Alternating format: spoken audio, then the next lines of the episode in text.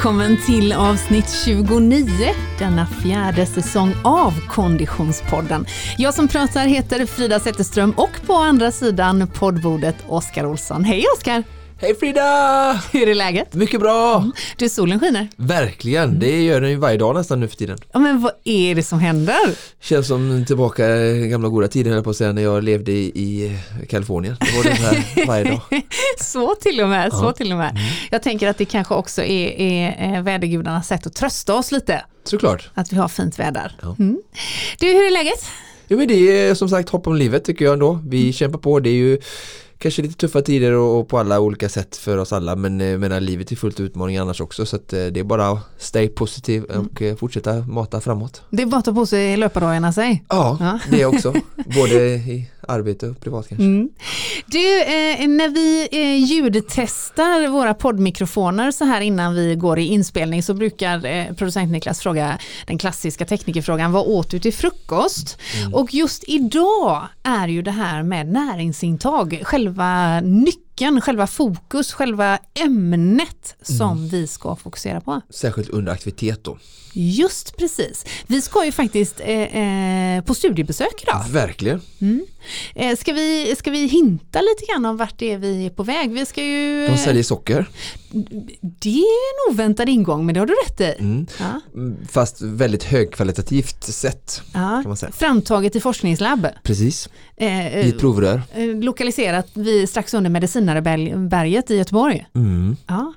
Det Nu får ni ingen mer ledtråd. Här får ni inga mer ledtrådar. Det är bara att fortsätta lyssna med andra ord. Dagens avsnitt fokuserar helt enkelt på nutrition under prestation och vi ska på studiebesök hos Mårten.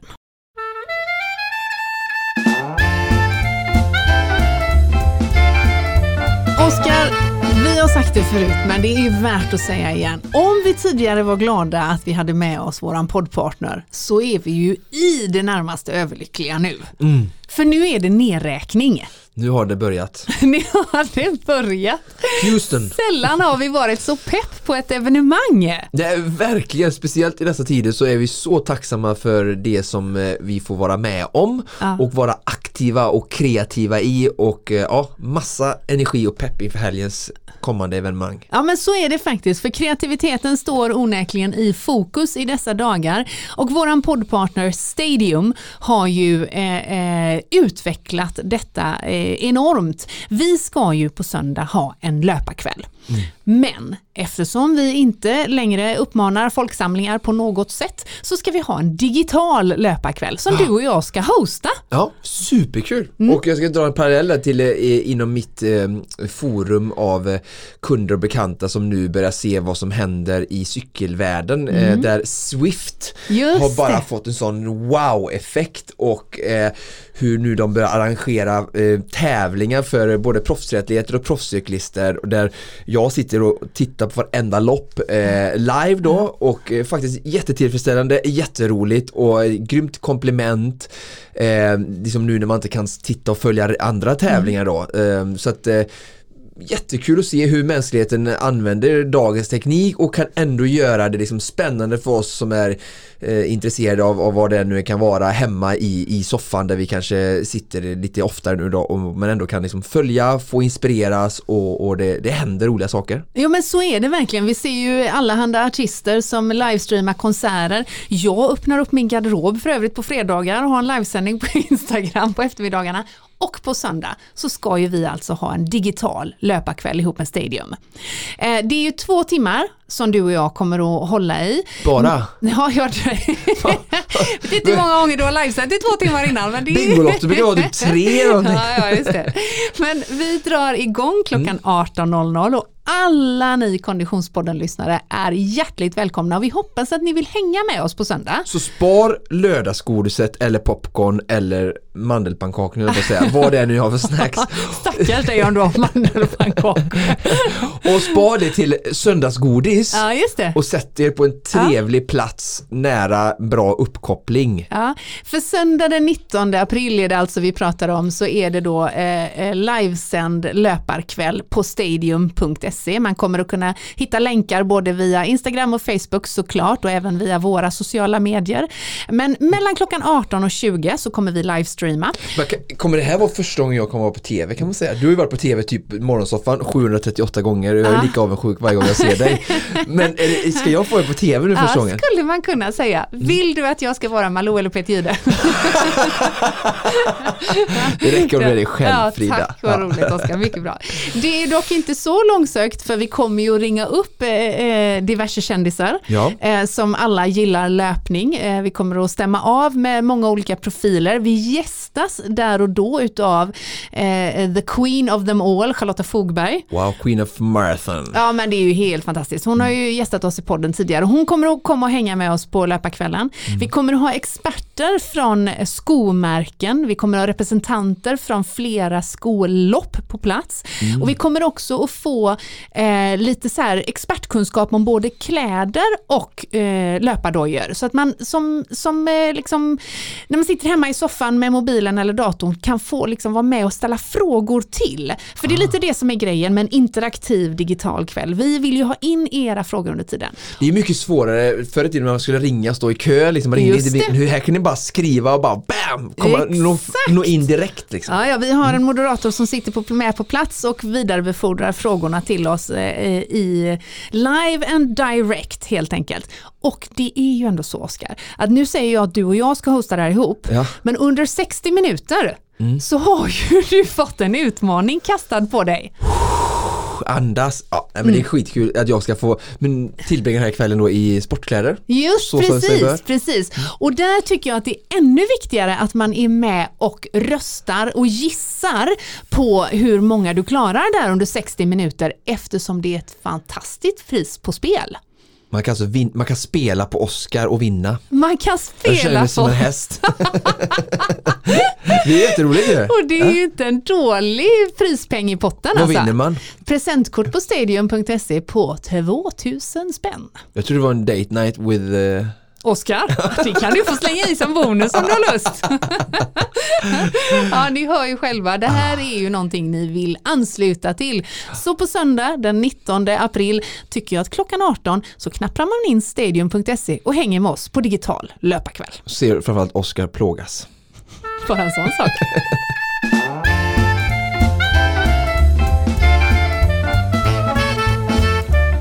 Oskar, det är ju inte så ofta som man känner att det både ser ut som en trendig reklambyrå, som ett forskningslabb och som en träningsanläggning i ett och samma hus.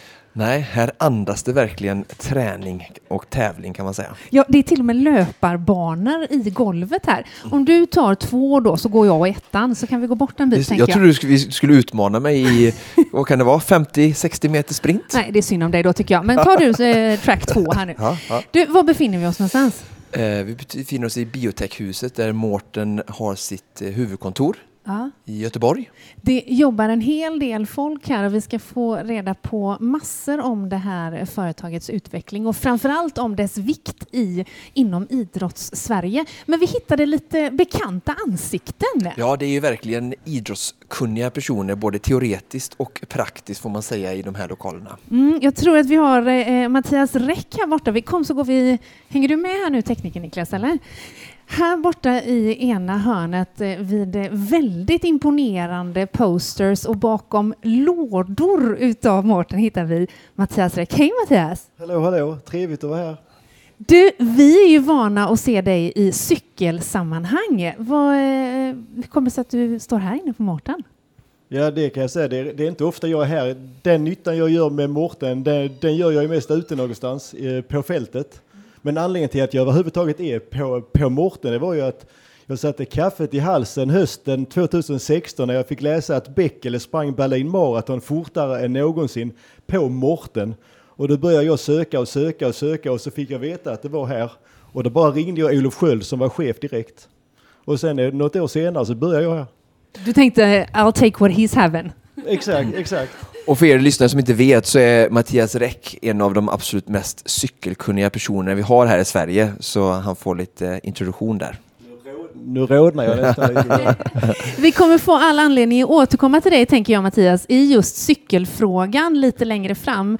Eh, du är ju fystränare bland annat för Trek eh, Segafredo. Jajamän, och eh, ska jag säga någonting som passar bra här så är det väl att det finns väldigt många proffs och proffslag som nog använder Morten lite sådär eh, utan att det kanske alltid syns. Så kan man säga. Okej, okay, ja men underbart. Om du i korta ordalag skulle säga vad som särskiljer Mårten mot vad du tidigare har jobbat med ur just nutritionshänseende, vad skulle det vara? Ja. Om, om man ska ta det först väldigt enkelt så alla som har testat Morten av, av proffscyklister som jag har jobbat med. Så där.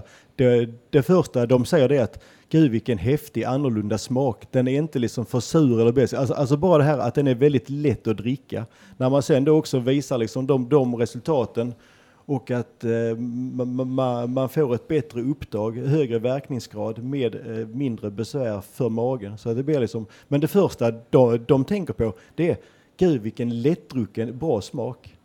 Vilken är din favoritsmak? Det är en stark 320. Även om 160 är väldigt bra också om det är varmt. Jag är så otroligt glad för 320. Den smakar liksom rent ut sagt ungefär som gamla sockerbitar, det här godiset. Och det var, det var min favorit när jag var liten. Så jag, jag är väldigt glad för liksom ren sockersmak. Underbart Mattias. Vad 320 egentligen är för något ska vi ta reda på alldeles strax. Men som sagt, vi får anledning att återkomma till dig Mattias i eh, cykelsammanhang lite längre fram kanske. Det låter trevligt. Tack så mycket.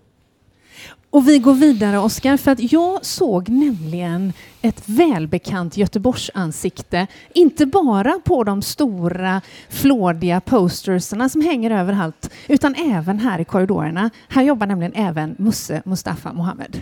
Hej Musse! Hej hej! Får vi störa dig lite här? Hur känns det att sitta liksom och ha sig själv som en gigantisk spegelbild? Ja, men jag har fint sällskap tycker jag. Mo Farah jämte. Ja, precis. För det här är ju kontorslandskapet inne på Mårten eh, där du ju är ett av affischnamnen. Men du, vad, vad, gör du här idag? Ja, jag är country manager som det heter för Sverige och har hand om bland annat återförsäljare. Eh, alla återförsäljare i Sverige, men även lite event och eh, lite blandat så. Men framförallt har hand om återförsäljare i Sverige. Så det kan alltså vara så att om man eh, får möjlighet att köpa Mårten så är det du som ringer och säljer? Ja, då är man intresserad av att börja sälja Mårten i sin butik eller vad det kan vara så kontaktar man mig. Eller så kontaktar jag dem. Hur många är det som reagerar med Vem var det sa du? Nej, men det har varit en hel del att Är det löparen? Ja, ah, jo det är det. Ja, ah, coolt. Du, det är ju onekligen coolt att ha dig med i podden. Du har ju gästat oss tidigare och jag önskar att du kommer tillbaka för det går ju inte att förbise det faktum att du satte nytt svenskt rekord för, eh, vad är det, en och en halv månad sedan? Ja, precis en halv månad sedan och ja, jag kommer gärna tillbaka. Vi pratar om eh, Sevilla i februari och eh, nytt maratonrekord. Eh, vad var det som klaffade för dig den dagen? Ja, det var nog allting faktiskt. Eh, eh, dels hade jag formen, men det har jag haft innan. Men nu var det dessutom eh, bra väder, bra bana. Det var en bra klunga. Så att det var liksom, det är sällan man får allting att funka optimalt som det var nu. Vi ska ju fokusera i dagens avsnitt på nutrition, men lovar du Musse att du kommer tillbaka till Konditionspodden? Absolut, det är bara att höra av sig när ni vill ha med mig. Underbart! Mm, vi har tagit oss ännu längre in på själva huvudkontoret, förbi forskningslabbet, förbi lagerlokalen. Där stod ett pingisbord bakom eh, några kartonger. Ja, det mm. finns mycket att sysselsätta sig med här. Och in i ett eh, ljust och fräscht konferensrum där vi har slagit oss ner framför mikrofonerna vid Tobias Kristiansson. Hej Tobias! Hallå, hallå, välkomna hit. Tack så mycket. Du, du är ju nutritionist och Head of Nutrition här på Mårten. Kan vi bara börja och klargöra en sak? Säger man Mårten eller Maurten? Jag säger Mårten. Okej, okay. mm. men det är inte Mårten med Å, även om det är så man uttalar det? Ja, men exakt. Och namnet har ju, är ju ursprungligen från en av grundarna, mm. Mårten Fryknäs, som är cancerforskare i, på Uppsala Akademiska. Så det är där namnet kommer ifrån. Men för att då ha en mer internationell prägling gissar jag? så gick man eh, eh, AU då. Yes. Men också för att skapa något helt eh, avvikande från andra företag, andra namn i den här branschen egentligen. Så döpte man det företaget till Mårten. Eh, du är Head of Nutrition och, och lite skämtsamt så förklarade du för oss innan att det är enkelt att vara Head of någonting när man är den enda. Vad gör du hela dagarna på jobbet eh, Tobias? Många saker. Eh, nu, Mårten är fortfarande en startup-fas kan man säga. Vi är ganska nya på marknaden och eh, jag har varit här i drygt tre år sedan starten 2017 och eh, innan vi lanserade produkterna. Och, eh, man kan säga, är man ganska få på ett företag så gör man många saker. Och jag gör fortfarande många saker. Men i min rollbeskrivning kan man säga så supportar jag många av våra användare från våra världsidrottare till vanliga konsumenter egentligen. Jag ingår också i vårt eh, forskningsteam, eller R&D team där vi håll- håller på med produktutveckling och ger, det, ger nutritionsperspektivet egentligen på, på marknaden kan man säga. Ehm, sen är jag också en representant för Mårten kan man säga i många sammanhang, ute på event till exempel. Ehm, för någon månad sedan så var jag i Afrika till exempel på en utbildningsresa.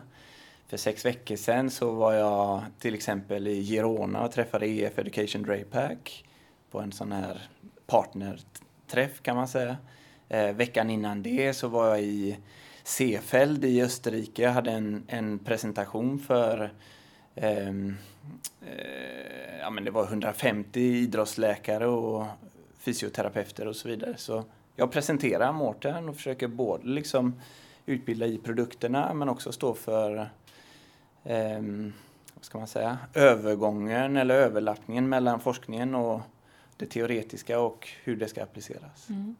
Om vi ska hålla oss där en liten stund i den överlappen och ändå vara grundade i forskningsbakgrunden. Vad var det som lockade dig till det här bolaget när du hoppade på då för tre år sedan? Ja. Eh, då hade jag precis avslutat min andra masterexamen. Eh, jag har en eh, masterexamen i klinisk nutrition här från Sahlgrenska men också en i eh, idrottsvetenskap från Göteborgs universitet. Eh, Jag och min handledare Stefan Pettersson som är delvis på Göteborgs universitet är också på, eh, som kostrådgivare på SOK. Han, eh, vi misslyckades med att få extern finansiering för en doktorandtjänst. Och han eh, rekommenderade mig till, till Mårten. Så det var därigenom jag började här. Vad hade det blivit för doktoreringsinriktning? Ja, ja men då var det... ja, Jag vet inte om jag minns det helt. Men, men jag, jag har ju gjort mina uppsatser inom, eh, inom nutrition, idrottsnutrition och kroppssammansättning. Och huruvida det påverkar eh, prestationen eller inte. Så då hamnade du här Då hamnade jag här. och då var det ett relativt litet bolag. Du säger att ni fortfarande är uppstart men jag misstänker att man inte riktigt kan jämföra med då. Nej, verkligen inte. Så när jag började här då hade vi ingen produkt lanserad. Vi hade inga kunder, vi hade, jag tror inte vi hade Instagram ens.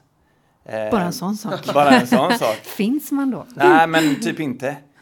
Grejen var ju att när jag började här, då hade vi redan fyra eh, vinnare i sådana här Big City Major Marathons.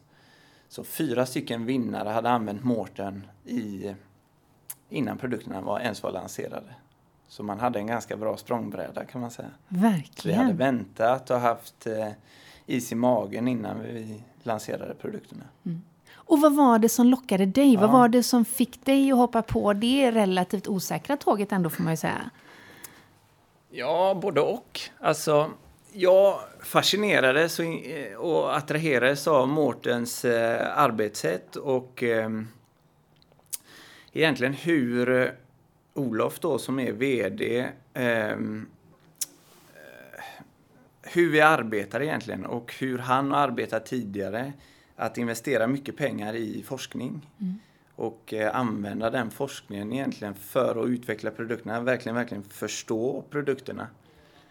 Och, så det var egentligen det.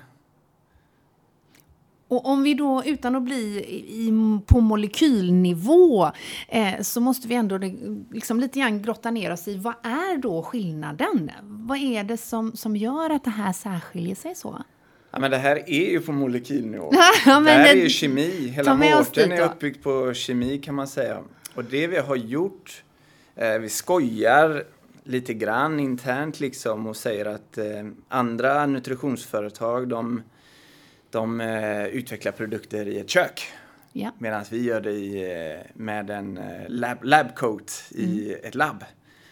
Det gör och, ni ju verkligen, för vi ja, såg ju faktiskt Absolut. labbet och, och hemligheten, magin bakom Mårten, det är att man har applicerat en, eh, en farmakologisk lösning liksom och skapat ett leveranssystem av kolhydrater.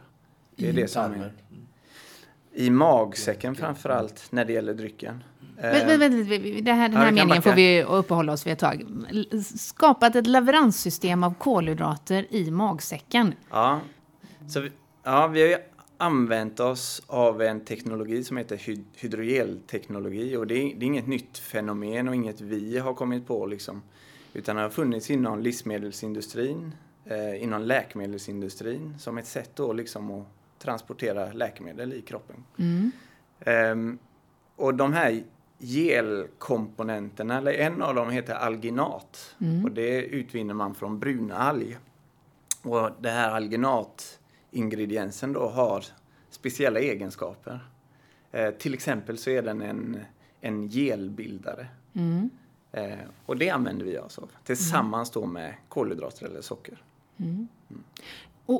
Mm. Vad, vad, är det som skiljer då? Vad är det som händer? Den tar med, jag förstår att algen hjälper att ta kolhydraten ner i magsäcken och det blir ett senare upptag. Eller vad är skillnaden på om du äter en godisbit, eller säger vi en Snickers eller någon annan eh, godissockerart som inte är liksom inkapslad i den här gelen då? Mm.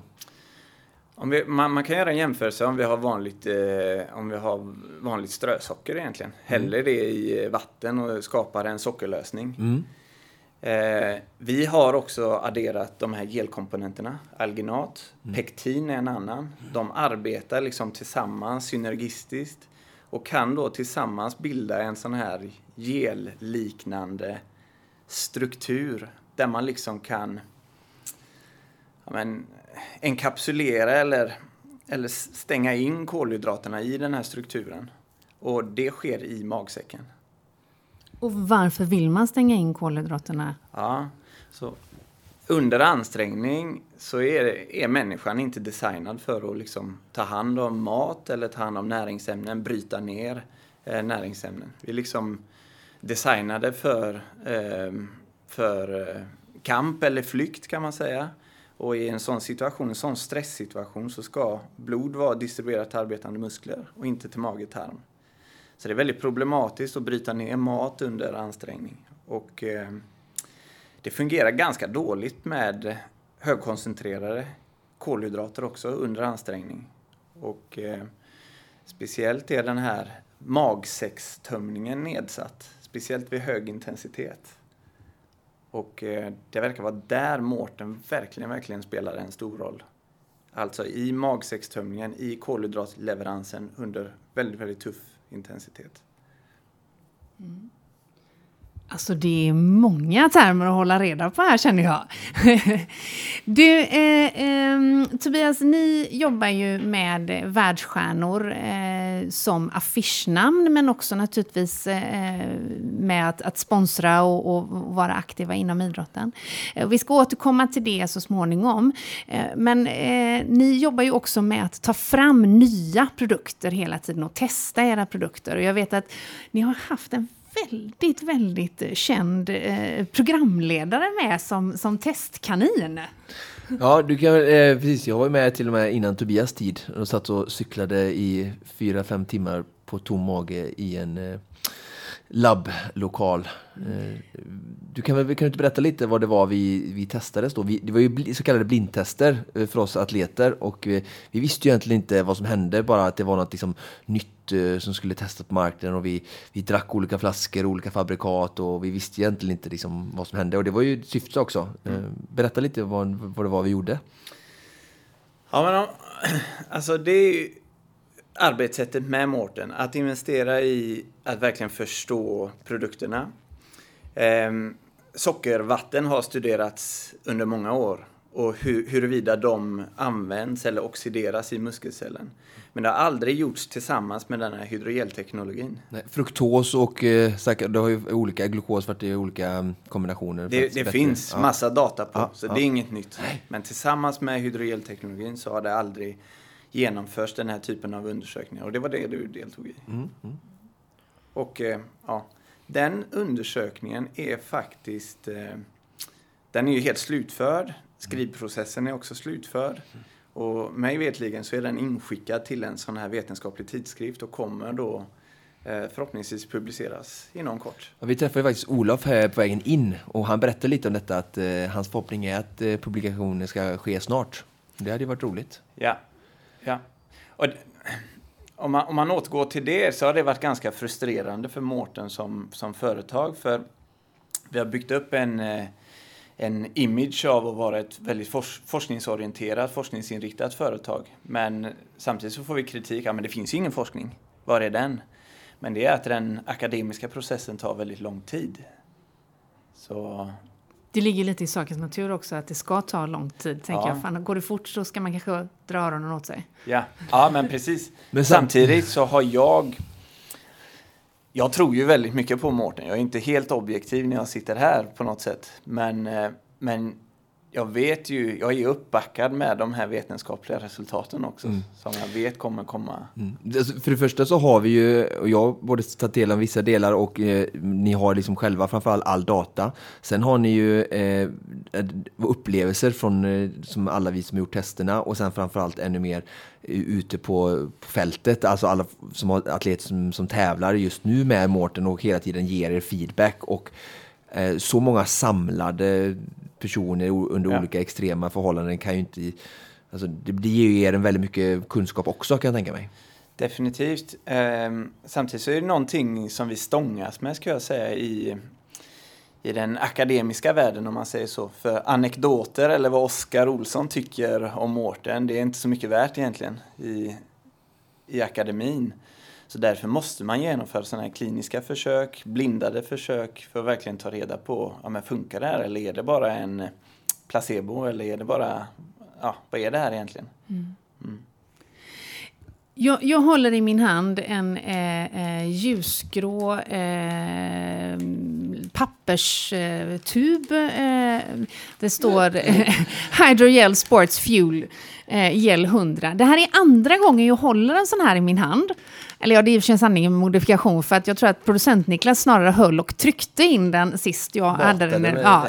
Jag fick ju detta mig till livs eh, någonstans mellan eh, femte och sjätte kontrollen på Vasaloppet för, för eh, en och en halv månad sedan, eller vad det nu är. Eh, och, och man kan ju utan att överdriva säga att det var... Eh, jag, jag är ju liksom inte i, i, eh, i någon högre division eller i behov av någon utvecklad sportprodukt. Där har du Men- fel Frida. Okej, tack. Utveckla gärna. Om du har en sån här sportklocka Ja. så kan eh, man estimera din energiförbrukning till exempel. Ja. Och då, jag vet inte vad du förbrukar per timme till exempel. Men det går åt energi hela tiden. Just det. Och eh, kolhydrater är ett bränsle tillsammans med fett under ehm, ja, uthållighetsansträngning kan man säga. Mm. Och dina förråd är begränsade och det är därför du behöver det här under Vasaloppet. Ja, ja, ja, ja, alltså jag, jag hör och jag tackar och tar emot.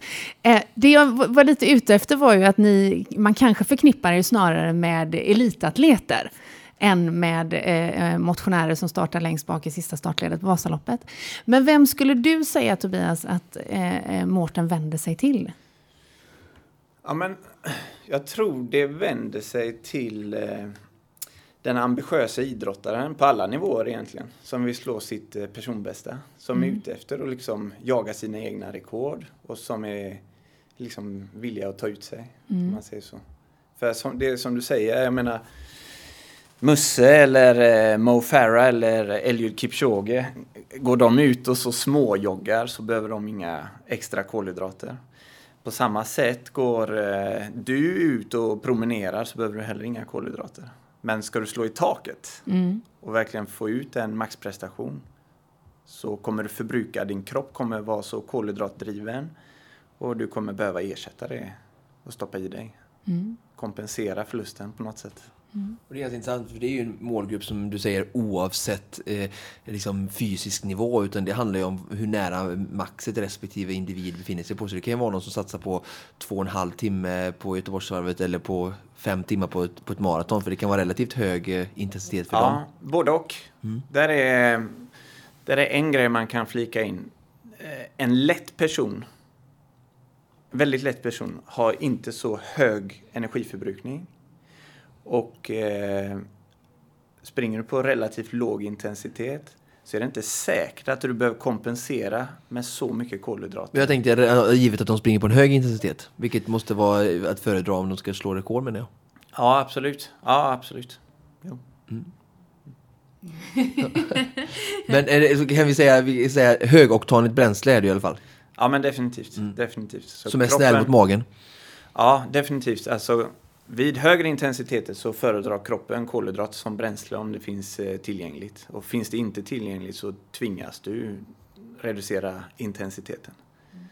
Och den huvudsakliga anledningen till det är att kolhydrater är ett mer effektivt bränsle per liter syre. Så springer man och ska slå sina rekord så är man ganska nära eller syretillgången kommer bli en begränsande faktor och då vill kroppen ha kolhydrater som bränsle. Eh, ja, ja, för mig är det ju i alla fall, jag har ju testat det här så mycket och för mig är, är det ju otvivelaktigt mot allt annat jag har använt hur extremt bra det är. Och det är ju sagt bara min sanning och det är jag är ju fri att, att eh, välja att använda detta och jag är väldigt tacksam för all hjälp jag får från Mårten och sådär. Eh, men eh, jag hade ju andra eh, fabrikat innan och sen så var jag med i den här studien och fastnade. Och det är ju, eh, bara bara titta runt om i världen så är det ju väldigt många andra atleter som också fastnar för detta. Så det är ju liksom en obeveklig sanning som ingen kan ducka för. Men hur, hur upplever du att ni genom åren fram tills idag har mottagits av liksom en redan liksom väldigt stor bransch och andra aktörer utan att nämna några specifika namn. Hur, har, var det väldigt liksom, mycket motstånd i början eh, från liksom, konkurrenter i branschen och har det blivit bättre eller är det fortfarande samma? Eller hur har den utvecklingen nu mottagits, liksom, ni som företag och en ny produkt? För de andra får ju ändå liksom, ses lite som att de är lite på samma typ av liksom, produkter och tillvägagångssätt och ni har den här, med den här gelen något nytt revolutionerande. Mm. Det var många saker där, Oskar. Ja, jag är, jag är bra. Eh, om man börjar med...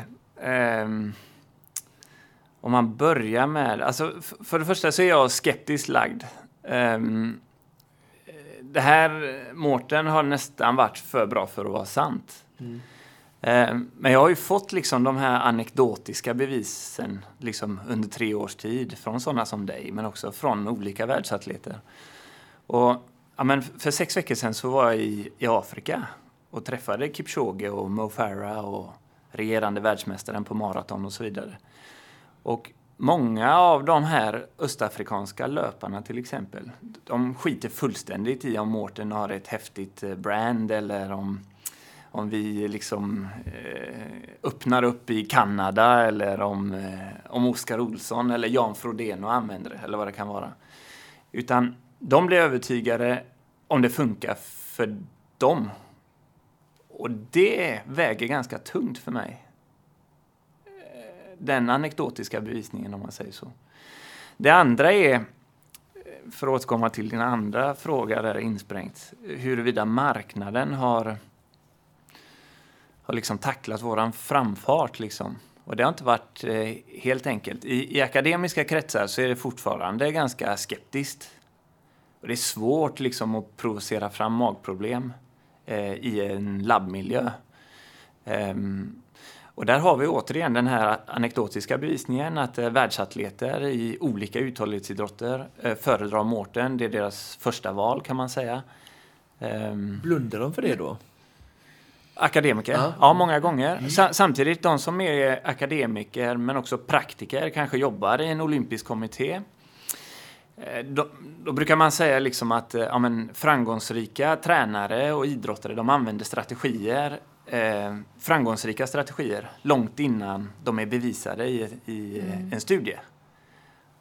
Så de som är, har den praktiska sidan också eh, förstår att ja, men det måste vara någonting med Mårten som verkligen funkar här. Men om man bortser från de som har den praktiska sidan och bara håller sig till den akademiska världen där det då kan vara svårt. Du säger att det är svårt att provocera fram magproblematik, vilket är det som skulle krävas för att akademiskt bevisa då på något sätt, eller evidensbelägga. Hur gör då era kollegor och konkurrenter i, i branschen Alltså förstår du vad jag menar? Hur har, det, hur har ja. bevisningen sett ut hittills då? Det finns ingen. Nej, men den, den har ju varit ganska industridriven av Ga Gatorade till exempel. Mm. Som har gjort mycket, mycket forskning har varit ett stort bidrag till, till eh, idrottsnutrition egentligen och med hydrering och med eh, saltintag och med kolhydratintag till exempel. Så den, den har varit, för jag menar det finns inga eh, det finns inga det finns ju inga, vad ska vi säga, inga, inga nationer som kanske vill finansiera sportforskning. Nej. När man har eh, eh diabetiker eller barn man kan studera. Såklart. Ja. Eh, så därför har ju forskningen hittills i den här branschen varit väldigt industridriven av mm. företag kan man säga. Och det har ju präglat mm. forskningen till stor del. Mm. Men är det det som kommer att krävas, tror du, för att man ska kunna ta liksom, en position som, som banbrytande? Ja, men det tror jag. Om mm. du ska ha med alla delar liksom, så måste du dels ha den eh, anekdotiska bevisningen mm. men också den akademiska, det tror jag. Mm. Och det är den som spelar stor roll för mig. Hade vi inte jobbat eh, vetenskapligt så hade inte jag varit här. Nej. Då hade jag pysslat med något annat. Mm. Och man kan säga att det är ett väldigt dyrt arbetssätt att hålla på och betala massa pengar för att studera produkter. Och det är väldigt få företag som gör det. Mm. Mm. Och eh, nutritionsbranschen anser jag, som har spenderat många år i den, är väldigt förgiftad så tillvida att företag kan liksom hävda och claima det mesta om, om det mesta. Mm. Och eh, vi försöker liksom ta, avvika från det arbetssättet. Och om man ser våra produkt, produkter så är det bara kolhydrater och koffein vi jobbar med i dagsläget. Mm. Och det är två komponenter som har ja, väldigt, väldigt förankrad eh, vetenskaplig effekt för prestation. Mm. Så vi kommer nog aldrig, inte så länge jag stångas här i alla fall, så kommer vi aldrig släppa produkter med eh, väldigt tvivelaktiga ingredienser med tvivelaktig support. Liksom. Vi har ju eh, redan stött på eh, eh, några personer här ute på, i kontorslandskapet och du har namedroppat några på vägen.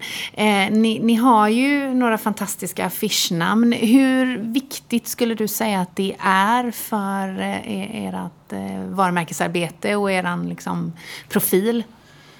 Varumärkesarbetet har jag inga kommentarer om egentligen för det är inte det som motiverar mig. Mm. Det är inte så intressant för mig. Men när jag sitter ner och pratar med Jan Frodeno eller eh, Mo Farah, hur de upplever produkterna, hur de tränar, när de tar produkterna och så vidare. Så är det som har, det är det som har vikt för min del. Mm måste vara otroligt inspirerande för någon i, in, i din yrkesroll att få träffa liksom the best of the best inom alltså användare av idrottsnutrition ja. på hög nivå. Liksom. Ja. ja, men det, det, där är både och. Jag själv har en idrottsbakgrund och har spelat till exempel med många bra idrottare, har barndomsvänner som har spelat i NHL och så vidare. Um, och jag vet ju, och jag jobbar också i IFK Göteborg och har gjort, uh, ja, men, jag känner många idrottare och det är vanliga människor. Och det är även de här världsidrottarna. Eh, det är nummer ett, liksom att eh, de är, det är inte så farligt. Nej. Ja, vad var det jag, jag, jag, tror inte det ska vara farligt. Det är klart de är vanliga nej, människor, men bara att det är lite coolt. Liksom, varför jag, ja, ja, det, jo, men så är det. Att jobba med ja, de bästa. Det är inte så många idrottsjournalister som får jobba med nej. de bästa och de bästa. Det är samma sak som Stefan som också är min gamla lärare som får jobba på SOK och träffa de här atleterna och höra när de resonerar kring idrottsnutrition. Liksom. Kontra att man gör en studie på män, kvinnor mellan 68 och 78 ja, ja. Alltså. ja, det har du helt rätt i. Alltså, jag själv har ju haft en otrolig resa här. Jag har ju gått från att ha Västra Götaland som arbetsplats till, till egentligen ha världen. Det var det jag ville komma Ja, ja men det, ja, definitivt. Alltså jag har ju rest supermycket liksom och mm. träffat så himla många bra idrottare liksom. Här på, på bordet så ligger det ju då eh, eh ett antal påsar. Eh, det, det, är ju tämligen icke färgglatt. Det är svarta, vita och mörkgrå. Och det ligger borta till vänster lite fler påsar som vi inte kan prata om ännu. Jag, jag funderar lite grann på vad, vad har vi för framtid eh, i Mårtens... Eh, liksom vi tittar, vi spanar lite. Spåkulan. Mm. Den är ju ganska tråkig egentligen. Alltså våran filosofi det är ju bara att släppa produkter som har vetenskapligt förankrad eh, effekt egentligen. Och har man ett sånt arbetssätt så blir man ganska smal. Mm. Och de som är insatta i området vet vilka komponenter man pratar om i så fall. Mm. Mm. Utan att nämna någonting.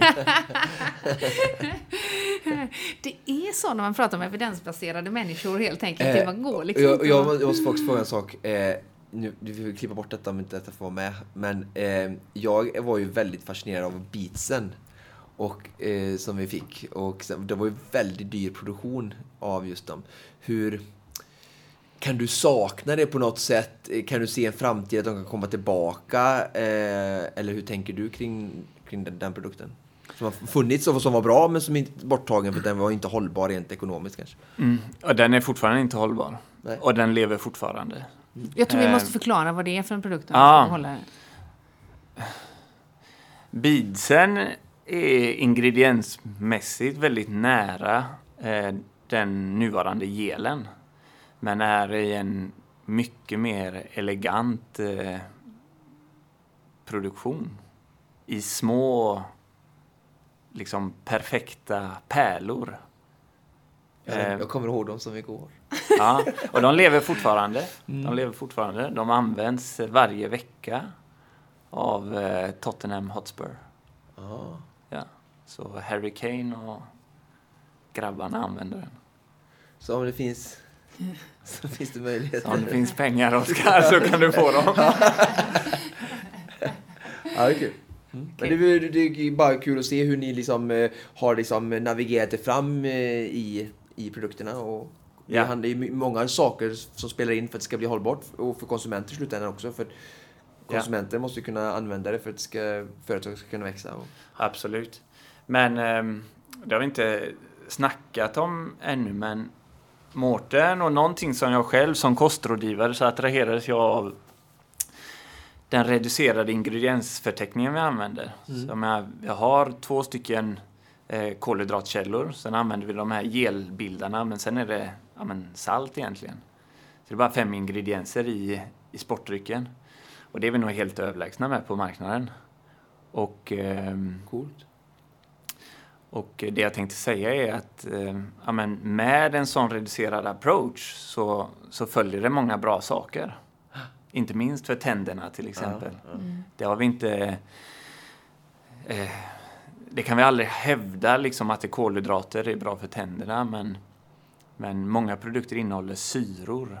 Och, och det gäller energidrycker och läsk och juice och sportprodukter i allmänhet. Liksom innehåller syre för ja, konserverande förmåga men också för att liksom balansera upp det söta i produkter.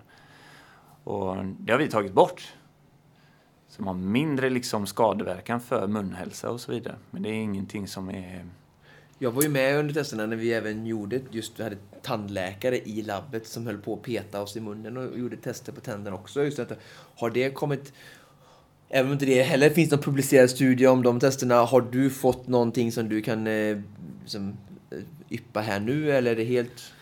Nej, jag kan, jag kan absolut inte nämna någonting Nej. om de undersökningarna, Nej. men man kan väl säga så här att vi har tagit bort en av två dåliga faktorer för tänderna. Socker okay. är den ena mm. som fermenteras på tänderna och eh, syror är den andra som fräter på emaljen. Ja. Mm.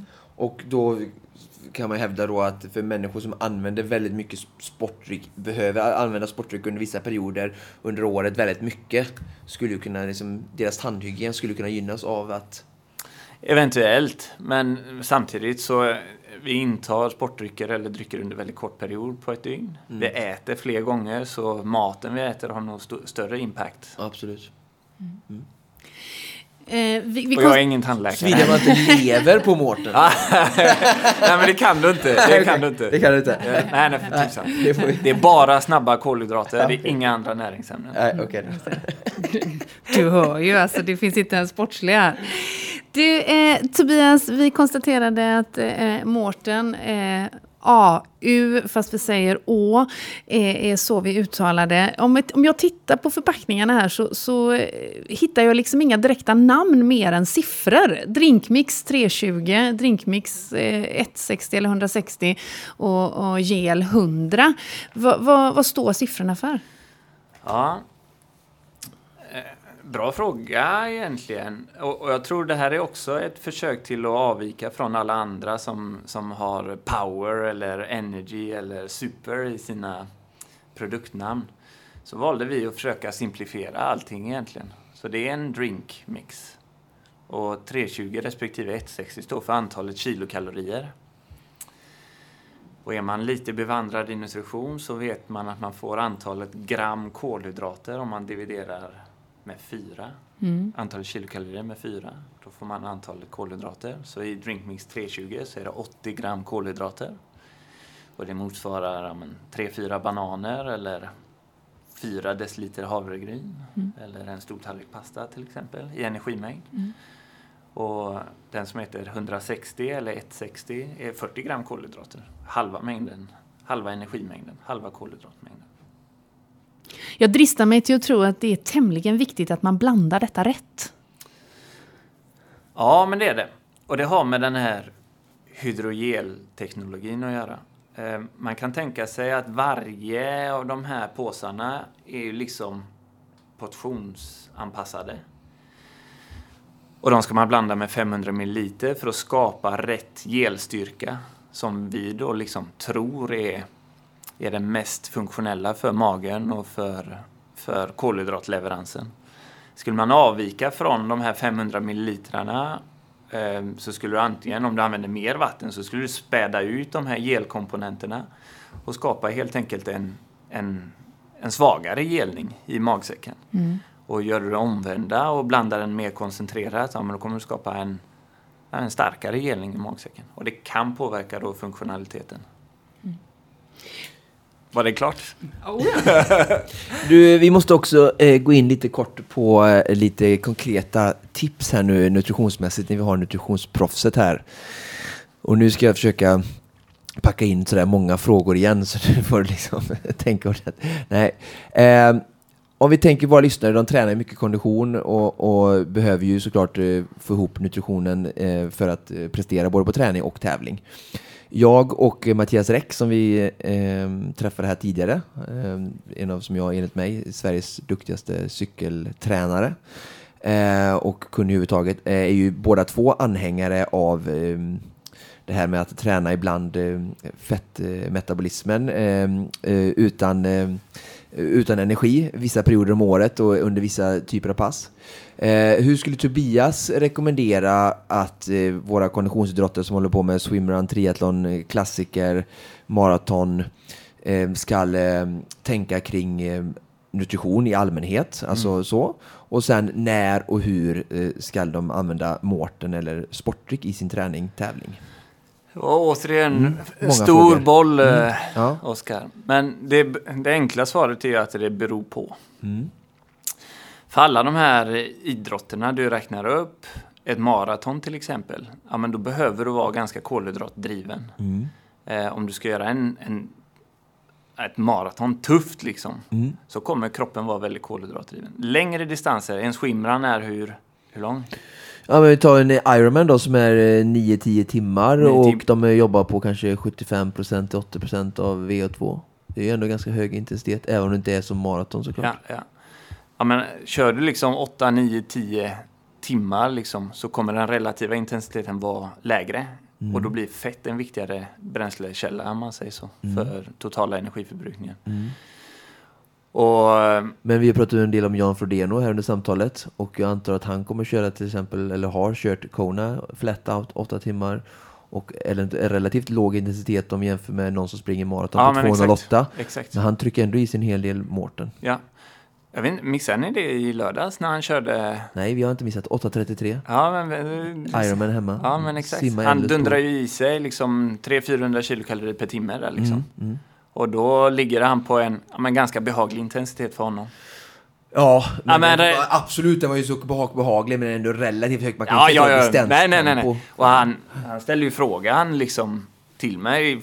Kan jag äta, eller får jag äta så här mycket? Ja, för tusan, definitivt. För du förbrukar kolhydrater i så mycket högre hastighet än vad du kan kompensera. Ja, Och du kommer ta slut. Om du inte fyller på. Nej. Från början egentligen. ja. Men jag vet inte om vi ska gå tillbaka till den här ja, frågan. ja, men... Lite konkreta tips är ute efter i både träning och tävling för hur, hur vi kan tänka. Ja, men det här med low, low sugar training eller Mm. låg kolhydrattillgänglighet. Idén bakom det egentligen är att man stryper kolhydratintaget för att liksom införa en större stress på kroppen. Och den större stressen kommer eh, stimulera eller provocera nybildningen av mitokondrier eller kraftverk i eh, muskelcellen.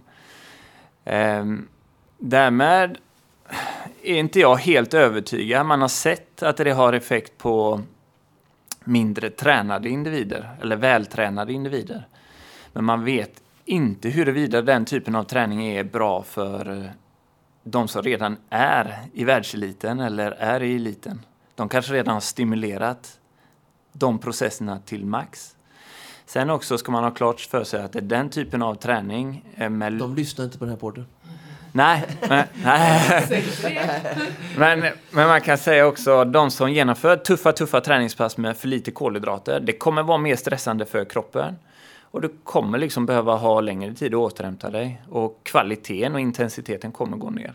Det köper jag, men jag tänker ju mer liksom tre timmar i 60 till 69% av VO2 är väldigt låg intensitet även för någon som gör en Ironman på 11-12 timmar. Ehm, och att lägga- slänga in några sådana pass under vintern, men det kanske är ju också. Nej, nej, nej, nej absolut inte. Jag, jag tror stenhårt på egentligen att ha en stor, stor volym Mm. eh, för att bygga bra uthållighetskapacitet. det- liksom. Definitivt. Och under de här lågintensiva passen du säger, då behövs inte Mårten eh, Nej. 90-100 gram liksom, på något sätt. Utan jag brukar rekommendera Mårten till, till användare egentligen att eh, selektera de röda tuffa passen under en vecka och det är där du ska lägga krutet liksom. För det är där som kroppen kommer vara, förbruka mycket kolhydrater och det är där du behöver den extra supporten. När mat inte hjälper till, eller hjälper tillräckligt mycket, kan supporta i tillräcklig utsträckning. Mm. Hur, eh, men kanske pass med över en timme eller för egentligen ett kortare pass på 50 minuter, intervallpass, ska väl kanske det finnas glykogen lagrat i kroppen om man äter en, en vanlig måltid. Men sen då blanda till kanske pass på 90 minuter och lite tuffare distanspass och hela tiden fylla på. Det, vill du att man ska ha samma mängd som på tävling eller hur rekommenderar du? Du pratar mycket med de här atleterna säger du runt om i världen. Vad, vad ger du för rekommendationer då? Mm. Och det är lite olika var de befinner sig i sina förberedelser inför en tävling. Oftast långpassen för en maratonlöpare till exempel. Då, och det börjar närma sig tävling eller säg de sista åtta veckorna eller två månaderna. Definitivt försöka repli replikera egentligen eh, din race-strategi eller tävlingsstrategi. Och göra det i träning så du kan justera liksom. Men eh, för de tuffa passen, många av elitlöparna till exempel, de har ju dubbelpass många gånger. Och eh, de behöver prestera egentligen på alla pass. Eller många åtminstone. Och så har de dubbelpass så kan du finnas all anledning liksom att ha lite kolhydrater under första träningspasset eller efter första träningspasset för att påskynda återhämtningen till andra träningspasset. Ja, det kan vi Men det också, beror- har vi det också beror- sett mycket på hur eh, många som kör hårda pass och inte har riktigt förstått det där greppet att om jag kör mig tom på tuffa pass på kolhydrater så påverkas, så förlängs återhämtning efter passet och nästa pass om två dagar senare kanske kan liksom drabbas negativt i min återhämtnings och uppbyggnadscykel liksom för att jag har slarvat och kört sådana här liksom hårda pass. Och det, det ska man absolut inte glömma. Jag tror nummer ett faktor är kontinuitet. Att du håller sjukdomsfri, skadefri. Kan träna under långa perioder utan för avbrott. Immunförsvaret drabbas ju om du inte har tillräckligt med kolhydrater. Hur utgår du från en eh, kolhydrater per, eh, per vikt, eh, kilo? Nej, Beroende på hur stora. eh, Frodeno och Musse, vad är skillnaden? Ja. 80 versus 50 kilo. Ja, det här är ju su- superintressant Mm. för forskningen på när det gäller oxidation av intagna kolhydrater så verkar det vara ganska helt oberoende av kroppsvikt. Mm. Och det låter ju konstigt att en musse kan eh, förbruka 80 gram kolhydrater från Mårten i samma utsträckning som Jan Frodeno. Mm. Så det verkar som att eh, de har samma förmåga och det kan vara det som östafrikaner har, liksom en eh, Ja. som väger, är lättare helt enkelt. Ja. Säg en eh, viktbaserad sport. Så. viktmässiga sport, ja exakt. Eh, som gör att de har en, en prestationsfördel där. Att Mm. de kan liksom förlita sig mer på en kolhydratkälla liksom från sportdryck eller sportgel. Men, eh, nej, men definitivt så. Jag menar, springer Jan Frodeno och Musse i samma intensitet, Mm, I samma värme. 20 kilometer i Ja. samma värme och så vidare, så kommer Jan Frodeno förbruka så mycket mer energi. Ja. Och han, de kan bara kompensera Se- med lika mycket, Ja, mer eller mindre. För det finns någon typ av max hur mycket du kan. Ungefär. Vi vet dock att jag menar, eh, vetenskapliga ri- riktlinjer brukar nämna upp till 90 gram kolhydrater Ja, per ja, timme. I magsäcken ja. Men det är ingen sanning egentligen. Vi vet från egna undersökningar liksom att man kan liksom pusha och for- forcera in mer kolhydrater och liksom forcera upp hur mycket som också används i muskelcellen. Utan att du får överskott och vi behöver gå på toa eller liksom får ont i magen. Risken liksom. ökar. Risken ökar. Men, eh, men det är inte sagt att Men jag har ju själv testat med de här olika påsarna och fått i mig mycket mer än 90 gram på en timme eh, och inte känt, eller liksom, Nej, det har inte hänt någonting. Liksom. nej, precis. Det är ju... Är med? Ja, oh ja, i varenda litet gram per sekund. Eh, Jag tror att det är ganska många Konditionspodden-lyssnare som kanske inte är där och räknar gram per, per eh, minut, även om man är liksom en, en aktiv motionär. Eh, om vi skulle backa klockan till strax före jag skulle ge mig ut på Vasaloppet, eller om vi har en Konditionspodden-lyssnare som skulle ha cyklat Vätternrundan, eller kanske gett sig på sitt första halvmaraton. Vad skulle man få för tips av dig? Hur ska man liksom ta sig an eh, att ha med sig Mårten? Ja, alltså jag hade ju använt Mårten redan dagen innan eller två dagar innan. Eh, däremot så tror inte jag på att ändra allt för mycket i sina förberedelser dagen och två dagar innan. Utan många har liksom ja, men genomfört sina tuffa pass i sina förberedelser och har troligtvis ett ganska högt vanemässigt kolhydratintag. Men att man under liksom de två sista dagarna kan liksom addera till extra kolhydrater, gärna då i, i vätskeform. Eh, för att få lite mer kolhydrater, för att ladda på lite, lite mer. Så där förbereder man sig. Men under en Vätternrunda, nu kan jag inte exakt siffrorna där, hur mycket man förbrukar och det är olika positioner där också. Men man, man kan ju tänka att alltså förbrukar man Ja, det beror på 600 egentligen. Men 800 i timmen kan jag säga. 600-800 kalorier i timmen. 10 Exakt. Mm. Exakt. Och då kommer det vara så att eh, du förbrukar garanterat minst 50% av dem är kolhydrater. Minst, ska jag säga. Minst. Men då har du upplagrat också, Oskar, Mm. i muskulaturen. Så, så definitivt behöver du ersätta, för annars så kommer du gå tom. Men, eh, men hur snabbt du behöver ersätta, det beror lite på om du ligger bak i, i klungan eller om du leder klungan. Man, man ringer helt enkelt och bokar en dejt med dig i förväg och Ja. går igenom sin egen eh, Ja. position då. Ja, definitivt så. Det är mycket enklare ska man säga för eh, eh, när det gäller proffsen egentligen. För kör de all out så går de minus och de kan aldrig kompensera i den eh, takt de gör slut på kolhydraterna.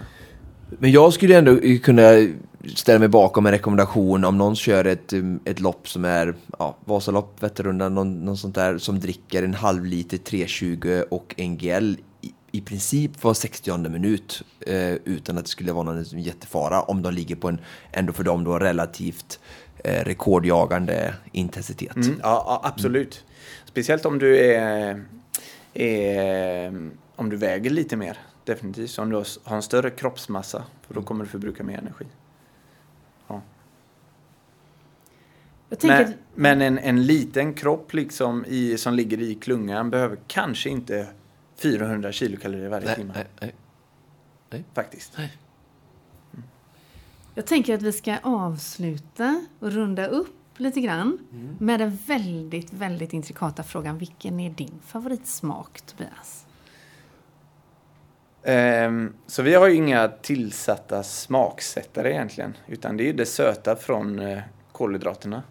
Men, eh, och jag gillar ju sött alltså. Så det är Drinkmix 320. Rätt av, definitivt. Det är min också. Och jag, jag är så spänd över liksom, hur, det är spännande. Du måste själv vara lite spänd över hur, hur kommer ni fram till sån god, len smak utan smakämnen? Eller har du funderat över det? Eller bara så här, ah, vi tackar och tar emot, det var en bonus liksom. För att det viktigaste är ju någonstans att det är en fantastisk funktion, men sen att smaken Ja. blev, som precis som Mattias sa innan, så bra. Ja, jag håller med dig. Alltså det, är- det är ett mixtrande och testande givetvis. Sen använder vi maltodextrin som inte har så mycket sötma. Kontra glukos till exempel. Fruktos är ju den här ingrediensen som bidrar med sötman i denna.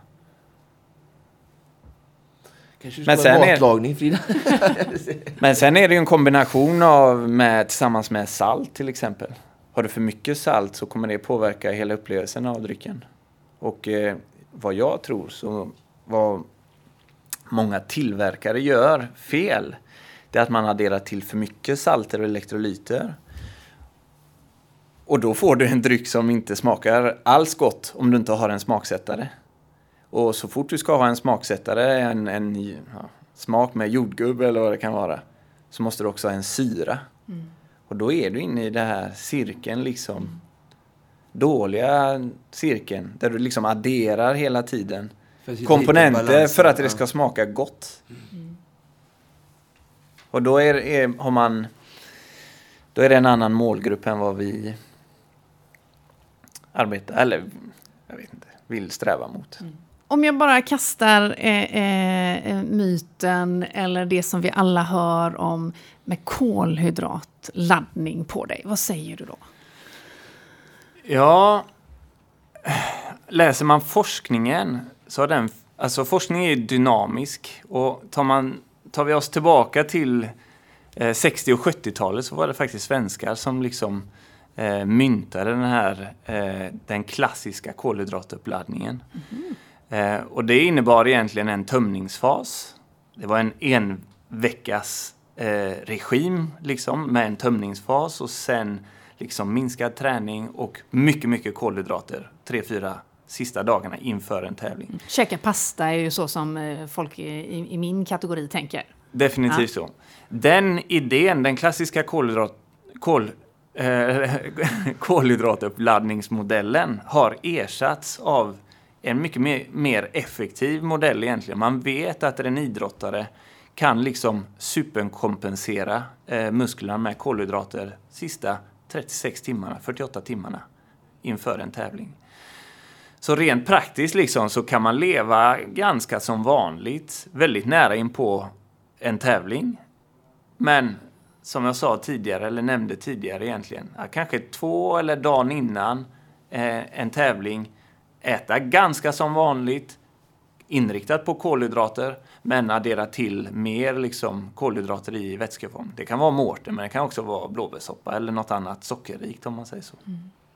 Okej, ja, det är där godispåsen kommer in eh, kvällen före tävling då helt enkelt. Ja, godis hade kunnat funka. ja, ja, kanske. Men saker som du har testat innan i alla fall, socker saker som du har ätit förut, testa inget nytt. Nej, exakt.